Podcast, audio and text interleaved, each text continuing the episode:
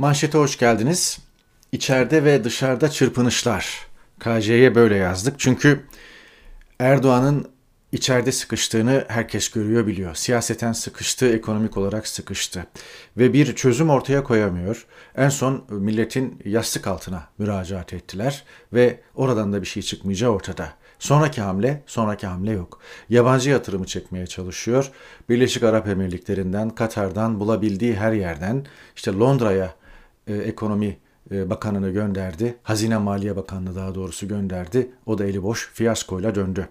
Birleşik Arap Emirlikleri temaslarına bakacağız. Gene Erdoğan bölgede bir anlamda daha evvel kavgalı olduğu herkesle bir barış çubuğu tüttürme derdinde.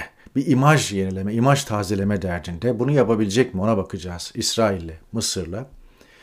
Yine aynı şekilde Türkiye'de özellikle hayat pahalılığının iktidar e, ne bileyim propaganda araçlarınca nasıl çarpıtıldığı ve nasıl yansıtıldığı buna bakacağız. Ukrayna'da savaş tamtamları yerini sessizliğe, yerini belirsizliğe, yerini sanki savaş çıkmayacak e, bir sulh oldu. Her iki tarafta kendi tezlerinde haklılığını gösterdi. İki tarafta kazandı. Haliyle sıcak savaşa gerek kalmadı. Soğuk savaş bir anlamda olumlu netice verdi falan gibi bir havaya bıraktı. Son yayında %51-49 savaş çıkar Şubat'ın ikinci yarısı bu çok kuvvetle muhtemel bekleniyor demiştim. Fakat bu denge döndü. Şu anda 60'a 40 neredeyse 70'e 30 savaş çıkmaz deniyor.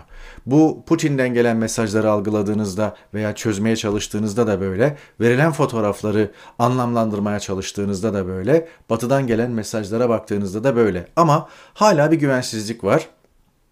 Rusya'ya yakın kaynaklar e, ordusunu çekiyor derken Ukrayna sınırından Batı hala bunu teyit edebilmiş değil. Bütün bunlara bakacağız. İçeride ve dışarıda çırpınışlar konulu yayınımız ufak ufak başlasın. Gazetecilerin elbette dün birkaç saatliğine cezaevine konulup serbest bırakılması var. O konuda da söyleyeceklerim var. Ee, ve yine Covid, Omikron'la alakalı e, diyeceklerim de var. E, YouTube'da e, kapağımız e, tarihi gol ama kendi kalesine biçimindeydi.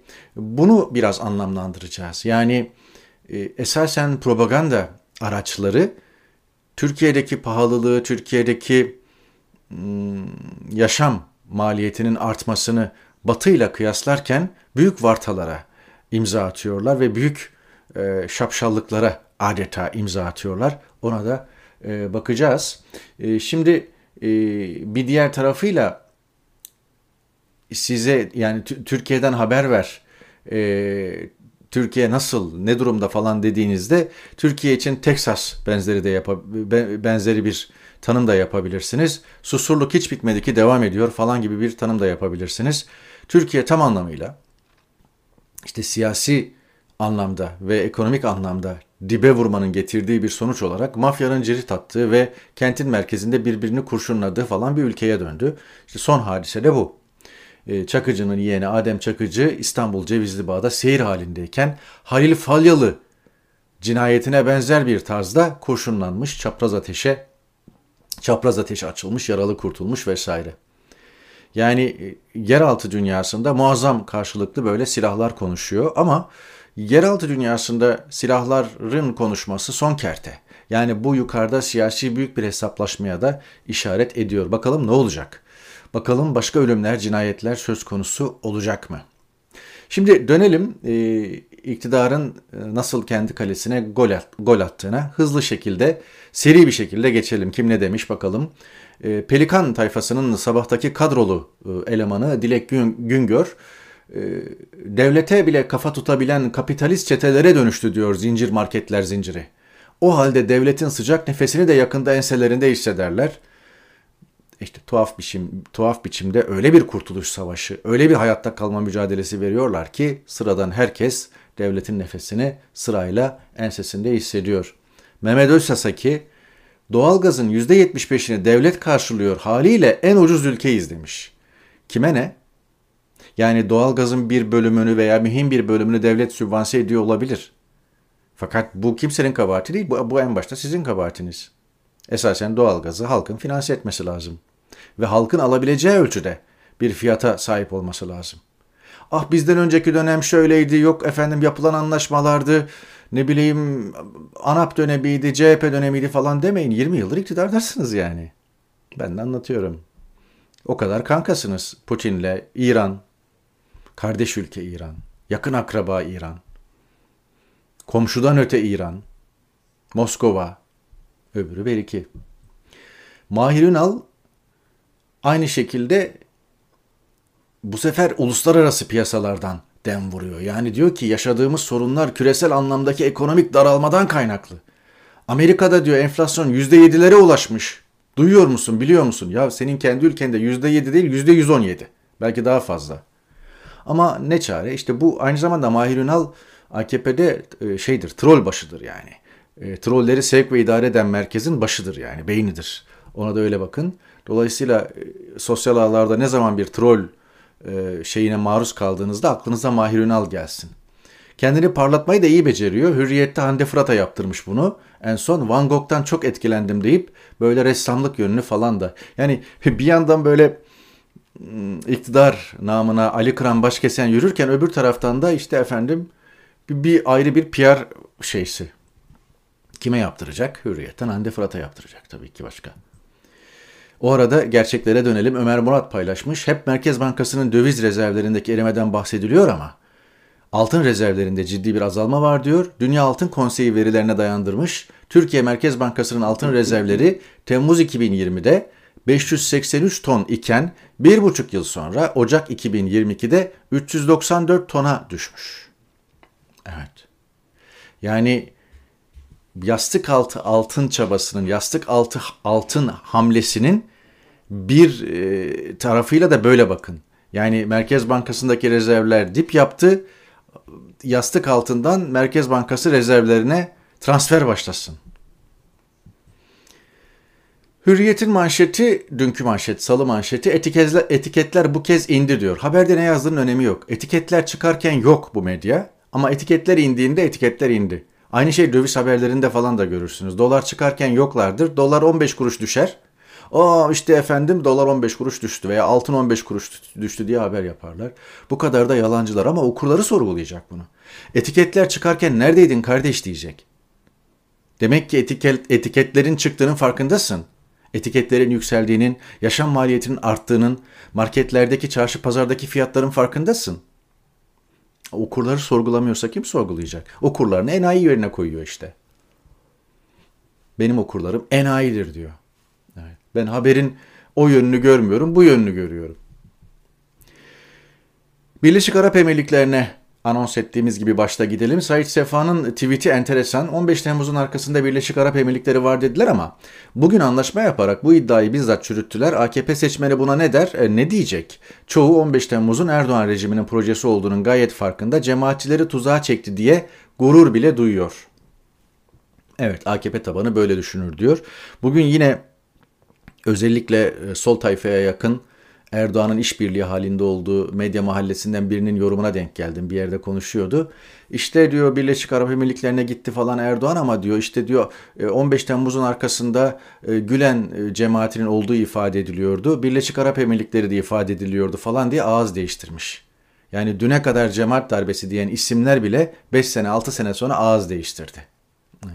Birleşik Arap Emirlikleri'ne demediğini bırakmayan, burada buraya kupürleri veya o lafları falan getirmeyeceğim. 15 Temmuz'un arkasında diyen, yerin dibine batıran Birleşik Arap Emir'in emirliklerindeki emirlikler adı üstünde o emirlerin hepsini fotoğraflarıyla, isimleriyle şimdi başka bir noktaya evrildi. Yarın öbür gün yani bu analize ilaveten veya paralel olarak da şunu söyleyeyim. Yarın öbür gün Erdoğan sıkışırsa cemaatten de aman diyecektir.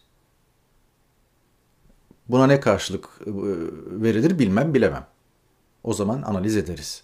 Ama sıkıştığında cemaatten aman dileyeceğini, bunu bu şekilde tespit ettiğimi, analizini yaptığımı hatırlarsınız yarın öbür gün.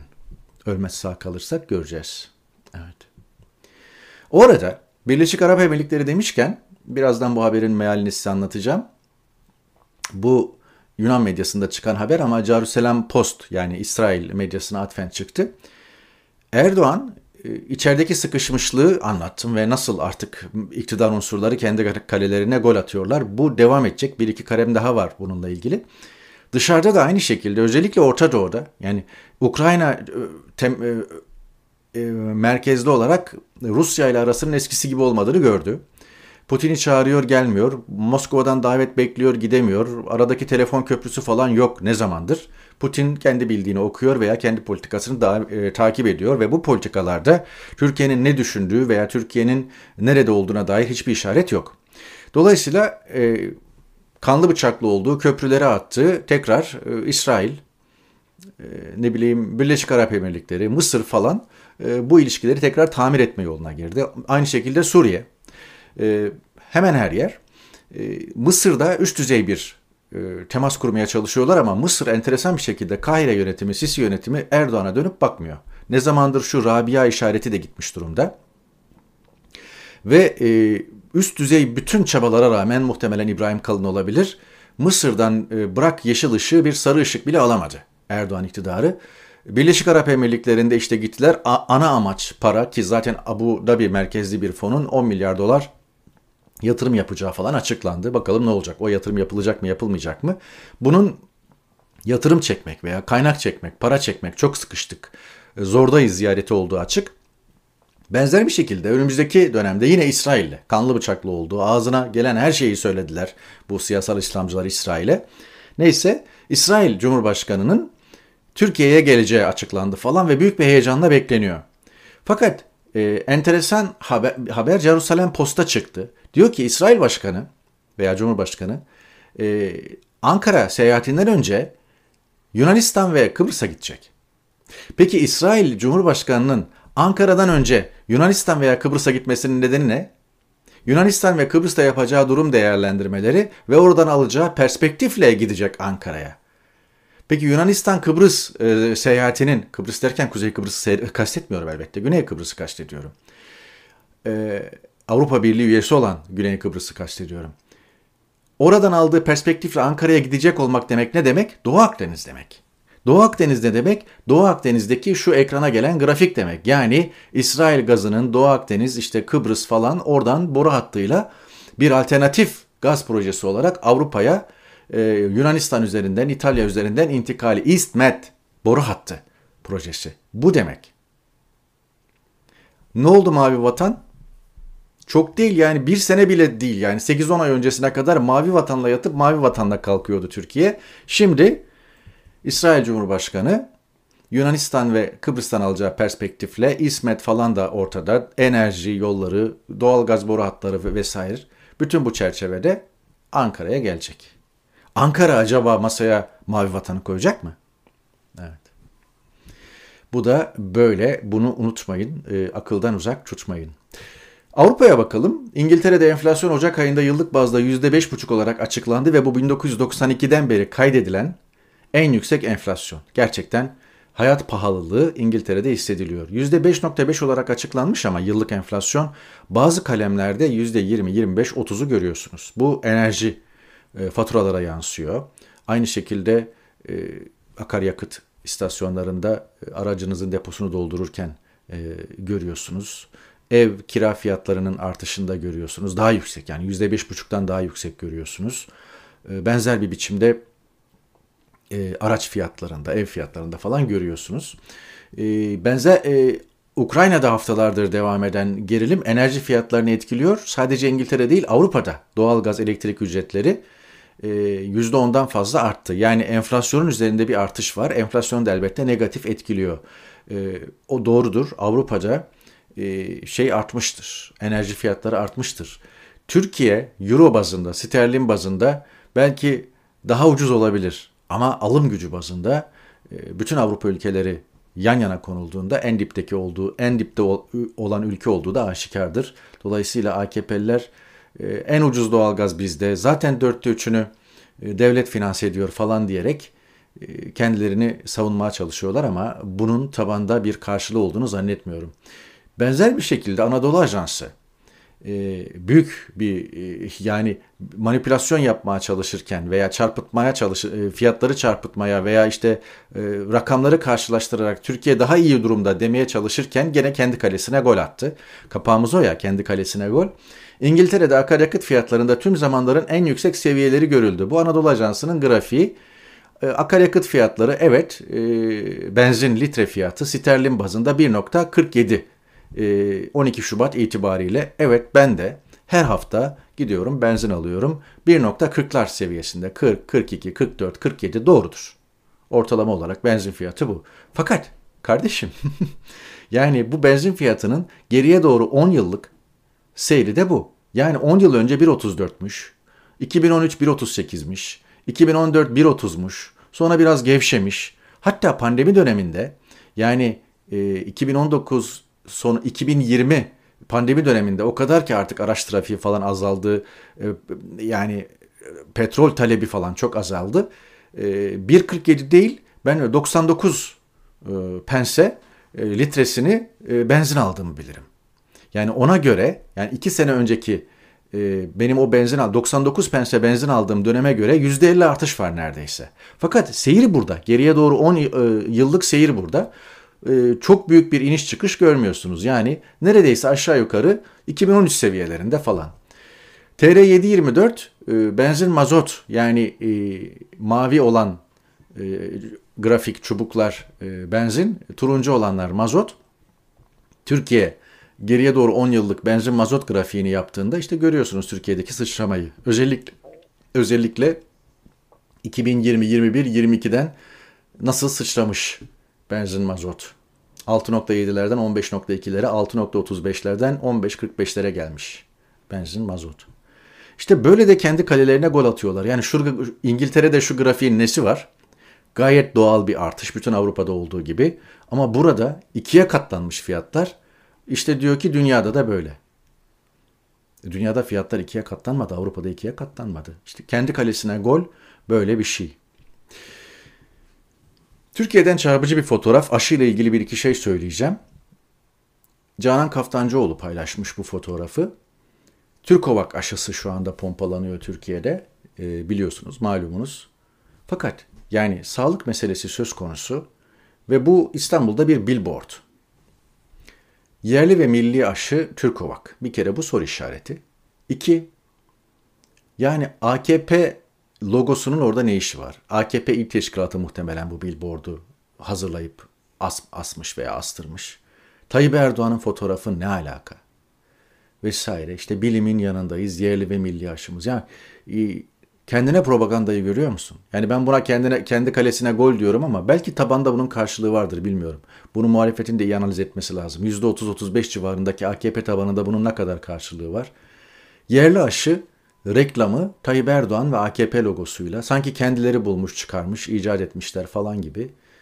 E, aşının mucidi Tayyip Erdoğan'mış falan gibi. Bu şekilde lanse ediliyor. Böyle bir ülke. Evet. Ama gerçeklere dönelim. Türkiye kırmızı. Ve bu kırmızının mimarlarından biri de elbette Sağlık Bakanı aldığı veya almadığı tedbirlerle son günlerde Türkiye'de o kadar ölümler arttı ki, ki çoğu e, rivayet gösteriyor ki ölümlerin yarısı ya da üçte biri açıklanıyor. E, bir dönem gene açıklanan resmi verilere göre tavana ulaşmış durumda son günlerde Türkiye'de açıklanan ölümler. Bir sene, bir buçuk sene önceki o krizin yani e, pandeminin en sert, en çetin günlerindeki rakamlara ulaşmış durumda. 300'ler dolayında rakam açıklanıyor ama gerçekte bunun iki katı, üç katı olduğu da söyleniyor. Omikron'da 3 yeni belirti haberi de dikkat çekici. İngiltere araştırması bu. Yeni semptomlar, e, bir takım yeni semptomlar gözlenmiş efendim. Buna Bunlar nelermiş? İshal, iştahsızlık ve karın ağrısı gibi şikayetlerde artış. E, bunu da hatırlatmış olalım ve devam edelim. Kanada'yı soranlar oldu. Kanada'yı bu omikron ve covid varyantıyla paralel olarak Kanada'yı e, anlatayım. E, Kanada'da tır şoförleri özellikle aşı kısıtlamaları, e, aşı kartı istenmesi, e, işte bir takım belgeler e, özellikle sınır geçişlerinde veya işte seyahat ederken veya taşımacılık yaparken falan istenmesi, zorunlu tutulması üzerine protesto başlattılar ve o protesto sonlandı. E, dün itibariyle sonlandı. E, 18 gün falan sürdü bu protestolar. Orada Ottawa kenti ki Kanada'nın büyük kentlerinden biri Ottawa kentinde yaşam kitlendi. Çünkü onların eyleminden dolayı, yüksek sesle müzik dinlemelerinden dolayı veya çevreye rahatsızlık vermelerinden dolayı ve kalabalıklıklarından dolayı yani ciddi bir kam e, kamyon konvoyu var. E, dün galiba veya evvelki gün Kanada Başbakanı olağanüstü hal, bir tür olağanüstü hal, hal, e, Emergency Act deniyor İngilizcesi. Bir tür olağanüstü hal ilan etti. E, krizi yönetebildi, yönetemedi ayrı bir konu ama bu çokça tartışılan bir konu. Yani özgürlükler nerede başlıyor, nerede bitiyor? Geçtiğimiz aylarda hatırlayın e, Ocak ayıydı. İşte Avustralya açık tenis turnuvasında Sırp Djokovic aşı olmadığı için, aşı karşıtı olduğu için turnuvaya alınmamıştı. Turnuvaya katılmak için aşı zorunluydu çünkü. Şimdi bu hala tartışılıyor. Dünyada dünyada da medya da bunu anlamaya çalışıyor. Otoriterler de bunu anlamaya çalışıyor veya işte buna yorum getirmeye çalışıyor. Çok zor bir konu. Sabaha kadar konuşsak için içinden çıkamayız. Senin görüşün ne? Benim görüşüm şu. Bir insanın aşı olması haktır, aşı olmaması da haktır. O e, Sırp tenisçi e, Djokovic'in dediği gibi ben vücuduma neyin girip girmeyeceğine ben karar veririm. O benim hürriyetimdir. Tamam vücuduna e, neyin girip girmeyeceğine sen karar vermelisin. Fakat fakat dediğim şey şu. Toplumlar ve kalabalıklar ve kural koyucular söz konusuysa birilerinin özgürlüğünün başladığı, birilerinin bittiği filan alanlar da başlıyor ve kurallar başlıyor. Yani Şunun gibi doğru bir örnek mi bilmiyorum. Alkol tüketme hürriyeti vardır ama direksiyona alkollü geçemezsiniz. Çünkü sizin hürriyetinizin başladığı yerde başkalarının hürriyeti veya hakları da söz konusudur ve siz e, alkollü olarak araç kullandığınızda kaza yapma riskiniz artmaktadır ve sorumlusunuz. İngiltere'de alkollü olarak kaza yapan hatta birinin yaralanmasına veya e, ölümüne yol açan kişi derhal yargılanır ve cezaevine konulur. Cezası falan da ayrı bir konu. Ehliyeti iptal edilir falan yani. Son derece sert tedbirler var. Şimdi haliyle biri e, aşı karşıtlarının alkolle ne alakası var? Ben yani böyle bir örnek verdim. Sadece birebir doğrudur. Doğru bir örnektir falan oradan hareketle söylemiyorum. Biraz izah etmeme izin verin. Bir takım e, toplantılar, bir takım e, ne bileyim kapalı gösteriler, sinema gibi, tiyatro gibi, kapalı toplantılar gibi, parti kongresi gibi veya paneller gibi, konferanslar gibi, e, bir takım şovlar gibi yani ya, ya da ne bileyim yaş günü partileri, cenaze törenleri gibi, düğünler gibi. Şimdi bunlar söz konusu olduğunda bunun nasıl bir bulaşıcı etki yaptığını geriye doğru iki yıllık salgın süreci gösterdi. Haliyle e, yasa koyucu veya kural koyucu da gerek yerel yönetimlerde olsun gerek genel yönetimlerde olsun kurallar koyuyor, maske diyor, aşı kartı diyor, işte efendim 6 e, kişiden fazla bir araya gelemez bir süre diyor, işte partileri iptal diyor, ya da işte efendim şimdi kısıtlamaları kaldırdık diyor vesaire. Genel trende bakarak bir takım kurallar koyuyor veya kaldırıyor. Bu sizin aşı karşıtı olmanız veya aşı olmanız, aşı yanlısı olmanız falan bununla alakası yok. Yani aşı karşıtı olabilirsiniz. Fakat neticede Avustralya'da bir tenis turnuvası yapılmış ve bunun bir kuralı var.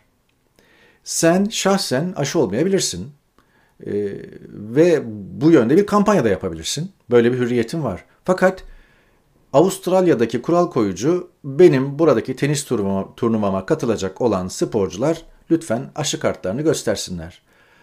2 doz veya 3 doz neyse, kurallar neyse aşı olmayanı ben turnuvaya almayacağım diyor ve böyle bir kural koyuyor.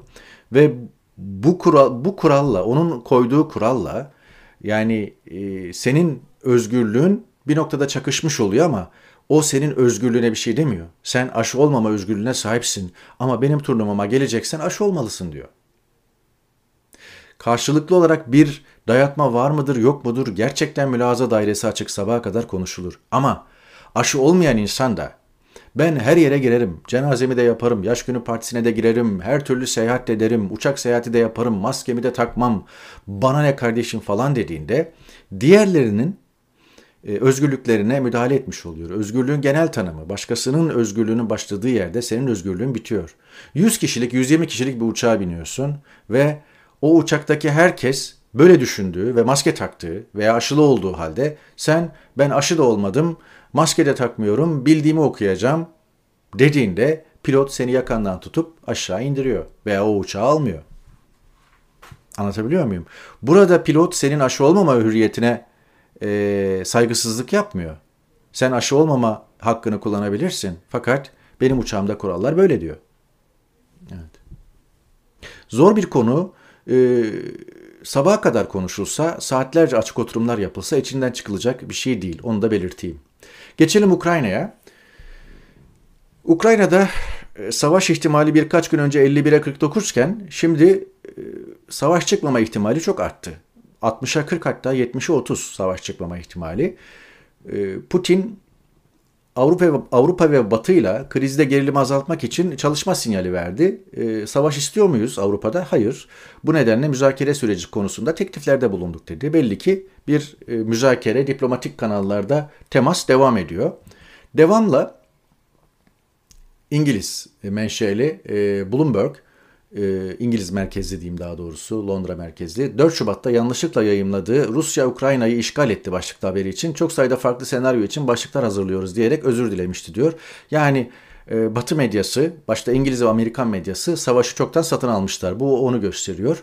Yine Beyaz Saray Ulusal Güvenlik Danışmanı'nın ifadesi de enteresan. Rusya'nın Ukrayna e, işgalinin Pekin'deki kış olimpiyatları bitmeden yani 20 Şubat'tan önce başlayabileceğini açıklamıştı. Herkes savaş ihtimalini satın almıştı. Fakat ne olduysa oldu. E, Putin gerilimi yükseltti, yükseltti, yükseltti sonra tekrar gevşemeye bıraktı. İmaj her şey. Bakın bu Liz Truss, e, öndeki kadın İngiltere Dışişleri Bakanı Lavrov'la Rus Dışişleri Bakanı ile görüşmeden çıkarken Twitter'dan paylaştığı fotoğraf. Herkes kendi imajını bu şekilde parlatıyor. İşte burada görüyorsunuz İngil İngiltere Dışişleri Bakanı nasıl önde, kendine güvenen, modern ve ileriye doğru atılmış bir kadın imajı. İşte Rus Dışişleri Bakanı da arkadan panik halinde falan çıkarken görülüyor. Bu da mesela Macron'un, Fransa Başkanı Macron'un Putin'le görüşmeye giderken kendi Twitter hesabından paylaştığı fotoğraf. İşte e, Macron'un arkadan arkasından çekilmiş, çekilmiş bir fotoğraf.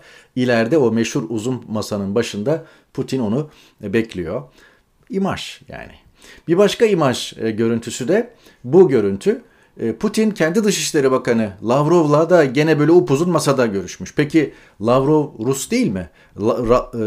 Lavrov Putin'in güvenlik protokollerini uygulayan bir isim değil mi? E, evet öyle. Peki niye arada böyle 10 metre var? E, aynı e, Macron'la görüşmede olduğu gibi veya Alman e, Başbakanı Scholz'la görüşmede olduğu gibi. İşte o da bir imaj. Yani Putin'in verdiği şey şu belki adeta. Yani ben işte bu kadar e, benim Dışişleri Bakanımla da aramda bu kadar böyle mesafe var. Ee, ve işte o benim altımın altımın altımın altı veya bilmem ne kadar. Bir de şöyle bir tarafı var. E, esasen Dışişleri Bakanı ile böyle çok yan yana samimi görüşmeleri de var daha evvel servis edilmiş fotoğraf. Ama bu krizde bu fotoğrafın e, servis edilmesi ve lafların da servis edilmesinin önemi var. E, şöyle ki burada karşılıklı konuşma da servis ediliyor. Yani esasen biz evet tanklar Ukrayna sınırında falan da ama bir medya savaşına, sosyal ağlar üzerinden verilen bir savaşa da tanık olduk oluyoruz. Mesela Putin burada şeye soruyor e, Lavrov'a Dışişleri Bakanı'na batılı ortaklarla anlaşmaya varma şansı var mı falan diye soruyor. Lavrov da cevap veriyor. Şans her zaman var diyor.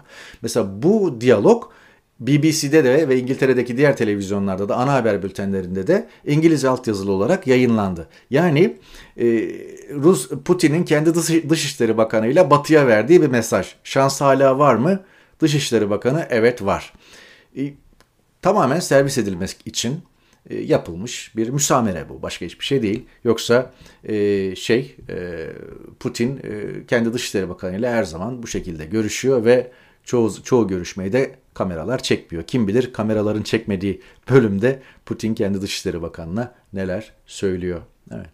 Bu imajla olay yürüyor. Kerimas ne demiş ona bakalım. Moskova'da gazetecilik yapan ve Rusya konusunda gerçekten görüşlerine her daim e, başvurduğumuz bir e, gazeteci, İngiltere rahat bırakır da Kiev Donbas'a harekat başlatmazsa Rusya Ukrayna ile savaşmaz diyor. Mühim bir tespit.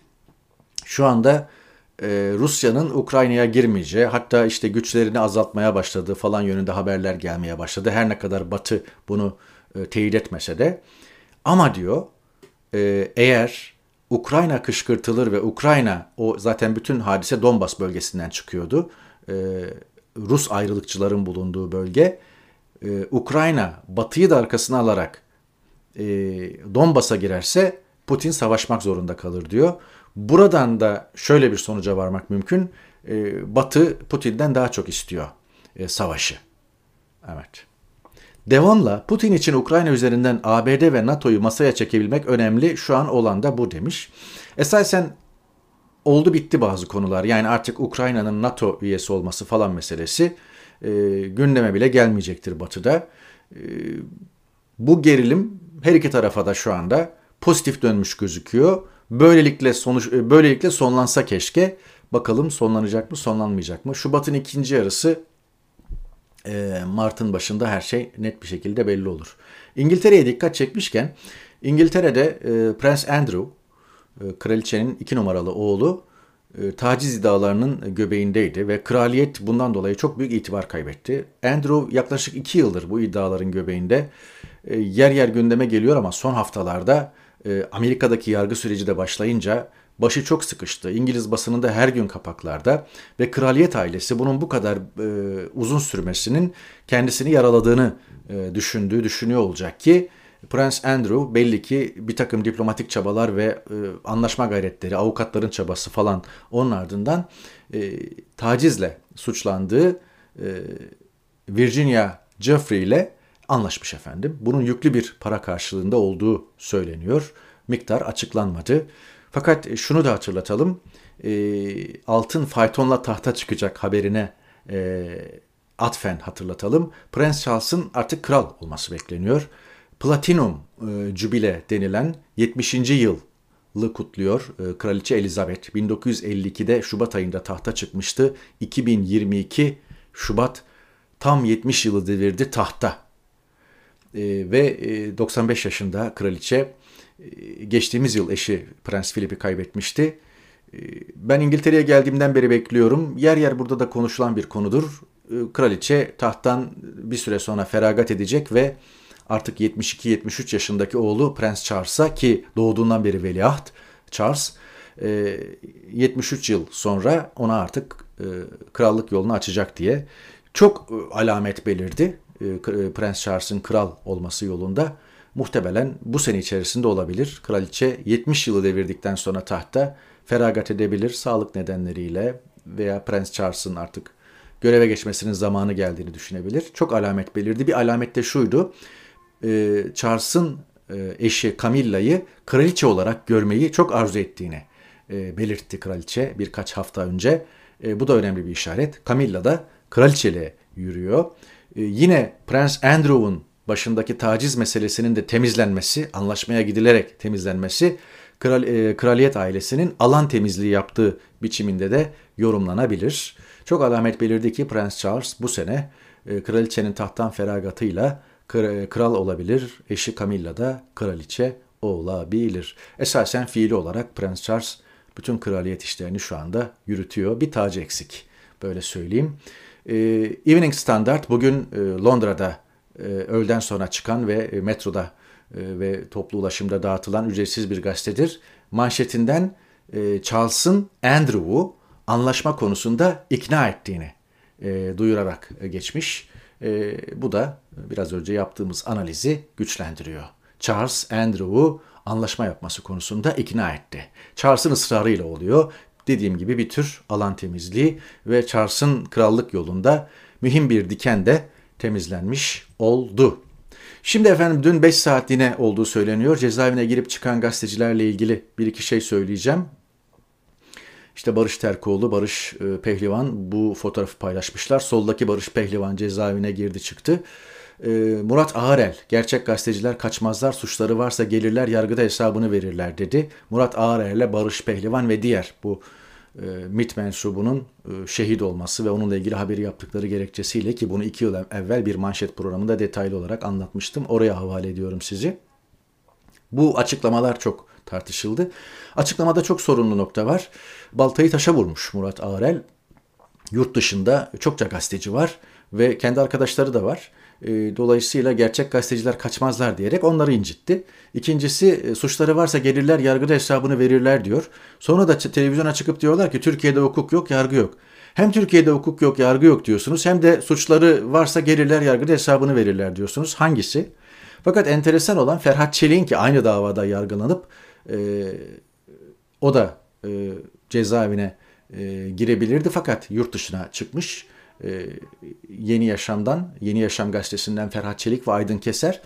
E, Ferhat Çelik e, bu ucuz kahramanlık mide bulandırıcı olmaya başladı. Şov yapıyor çünkü bir iki gün sonra denetimli serbestlikle serbest kalacağını, serbest bırakılacağını biliyor demiş. Ama alttaki tweet çok enteresan. Maalesef mesleği de bu zihniyetle sürdürmeye çalışıyor. Murat Ağırel için söylüyor. Emniyette gözaltındayken ben yıllarca Devlet Bahçeli'ye hizmet ettim. Bu reva mı? dediğini duydu kulaklarım. Yani o da aldananlardan demiş. Evet. Yıllarca Devlet Bahçeli'ye hizmet ettim. Bu reva mı? Ki son yazdığı bir takım kitapların özellikle Melik Gökçe'yi köke, köşeye sıkıştırmalı, sıkıştırmayı amaçlayan kitapların e, Mansur Yavaş kaynaklı olduğu da ifade ediliyor. Belli ki eski MHP yıllarından kalma bir arkadaşlık veya ilişki var. Profesör Doktor Osman Eğri paylaşmış. Eğer şu anda Türkiye'de olsaydım Barış Pehlivan'la Barış Terkoğlu Metastas kitaplarında düzmece bilgilerle fakiri hedef gösterdikleri için bir akademisyen olarak muhtemelen hapse girecektim ama yine bir akademisyen olarak onların hapse girmelerine karşıyım. Adalet herkes için demiş. Evet. E, gazetecilik suç değildir fakat e, gazetecilik var, gazetecilik var. Barış Terkoğlu ve Barış Pehlivan e, operasyonel bir iş yapıyorlar. Daha evvel Nedim Şener için söylediğim şeyi bu arkadaşlar için de söyleyebilirim. Özellikle Barış Pehlivan bundan birkaç ay önce e, benimle de alakalı bir iftira ortaya attı. O iftirayı da Baylok'un kurucusu sahibi olduğu ifade edilen, edilen David Keynes'in gizli tanıklığı veya tanıklığı üzerinden ortaya attı. Neymiş efendim ben birileriyle aynı evde kalmışım. Bunlardan biri de David Keynes'miş falan. Bahsettiği isimlerin hiçbirini tanımıyorum. Bir tek e, Ahmet Böken'i tanıyordum. O da medyadan tanıdığım bir isimdir. Beraber kalmadık. Hepimizi aynı eve koymuş, aynı cemaat evine koymuş ve biz orada işte efendim örgütlenmişiz falan. Ben bunu şiddetle yalanlandım, yalanladım. Ahmet Böken dışında hiçbirini tanımadığım ve hiçbiriyle de aynı evde kalmadığımı, hiçbiriyle karşılaşmadığımı falan sert bir şekilde yalanlayınca bu yalanlamayı bile veya bu düzeltmeyi bile alıp kullanmadılar gazetecilik. Gazetecilik teyit. Gazetecilik cevap düzeltme hakkı falan bunlardır yani. Buna rağmen gene çıktı Halk TV'de aynı çektiği videolarda veya Halk TV'deki yayınlarda aynı yalanı tekrarlamaya başladı. David Keynes haftalar sonra bu ifadesini geri çekti. E, lafını e, düzeltti ya da işte efendim o bahsettiği işte şunlarla şunlarla şunlarla evde ne o isimleri saydı ne evde falan geri adım attı. Benim bu çıkışımdan sonra. Fakat bu vatandaş Dedim ya operasyonel derken bunu kastediyorum. Bu vatandaş geri adım atmadığı gibi hala aynı yalanı sürdürmeye devam ediyor. Çok eleştiriyorlar. İşte gizli tanık ifadeleriyle geçmişte şöyle yapıldı, böyle yapıldı, yok şu, yok bu bilmem ne. Aynısını kendileri bin beter yapıyorlar. Ee, diyebileceğim bu. Gazetecilik suç değildir ama e, bazılarının gazetecilik yapıp yapmadığını dan emin olmak lazım. Evet. Gazetecilik kuralları içerisinde gazetecilik kaideleri içerisinde. Evet. Diyoruz ve bir yayını daha noktalıyoruz. Ee, biraz uzun bir yayın oldu. 38-39 dakikayı bulduk. Her zaman 20-25 dakikada bitiriyorduk. Mazur görür müsünüz? Cuma günü tekrar görüşmek umuduyla efendim. Hoşçakalın.